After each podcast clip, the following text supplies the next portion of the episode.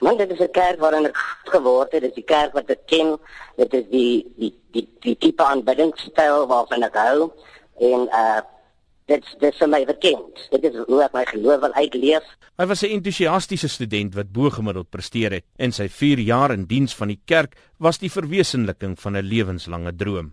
Maar toe versteur die spreekwoordelike slang in die paradys sy droom. Van my vertrouelinge daar het ek bekend uh dat ek hy is en uh na verloop van tyd so van 2 jaar se kant begin agterkom dat die dit vir my het sy gevoel of ek geviktimiseer begin word en ek het begin um, te bots met uh, die, die supervoor die voorsitter van die kerkraad en my mede kollega.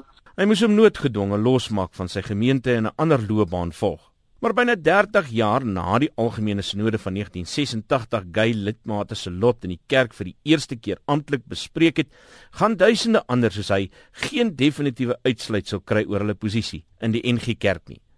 Dit is aldus 'n berig in die kerk se amptelike mondstuk Kerkbode geskryf deur die redakteur Niels Jackson. Die NG Kerk is nie nou gereed om 'n finale besluit oor verbintenisse tussen mense van dieselfde geslag te neem nie. Daar moet eers nog voortgesette studie oor die saak gedoen word. Teen die agtergrond het die ASM besluit om nie 'n aanbeveling aan die algemene sinode te maak om nou enige finale besluite oor gay verbintenisse te neem nie. Pleks daarvan word daar beplan om 'n goeie gesprek by die algemene sinode oor die saak te fasiliteer en om aan te beveel dat daar voortgesette studie oor die saak gedoen moet word met die oog op 'n finale besluit by 'n volgende sinode. Dit het 'n klein storm op sosiale media veroorsaak. Volgens 'n gay aktivis en pastorale terapeut proponent Henny Pinaar, lyk dit vir hom of die kerk besig is met vuil spel. Met die vorige sinode het hulle die kommissie aangestel om same-sex verhoudings te ondersoek. En die kommissie het 'n great job gedoen van dit en hulle die heel goed gunstige progressiewe verslag soos jy gesien het opgestel. En blykbaar het die ASN besluit dat dit is te progressief dat die verslag nie hoë prioriteit gaan dien met die algemene sinode nie Maar dit is nie so nie, sê die moderator professor Nelis Niemand. Die verslag wat nou gaan dien is 'n uh, uiters belangrike verslag vir die sinode.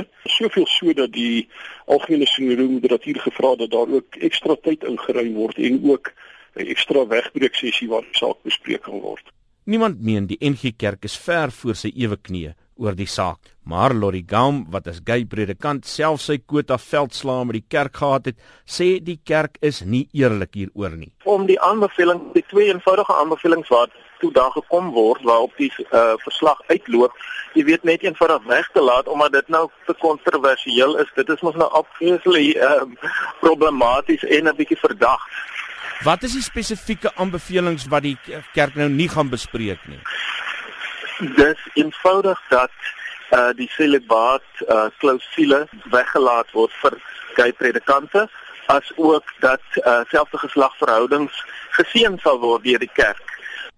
Die twee punte is tot dusver vir die kerk aldus die verslag ononderhandelbaar. Intussen wag gay lidmate geduldig dat die kerk hulle weer volwaardig in sy midde sal opneem. Dit kan dalk nog 'n paar sinodes verg want die kerk is diep verdeeld oor die saak, sê niemand wat in die media verklaar het dat die kerk vir gay lidmate oopgegooi moet word. Daar is Christene wat sekere tekste in die Bybel lees as dat dit 'n uitdruklike verbod is dat 'n mens hoegenaamd uh jy weet enige selfde geslag huwelik mag erken en daar is ander Christene wat met dieselfde mate van erns sê daardie teks verkeerd geïnterpreteer. Maar gay lidmate glo hulle dag sal kom. Ek dink die kerk nie reg om te sê waar kom iemand vandaan wat homoseksueel is nie en ek sou iemand wat wat homoseksueel of gay is is ook deur die Here geskape en uh wat ek dat die kerk my ook sal aanvaar hulle enige ander mense aanvaar. Dit was 'n predikant in die NG Kerk wat uit vrees vir victimisering anoniem met Monitor gepraat het. Ek is Isak Du Plessis vir SABC nuus.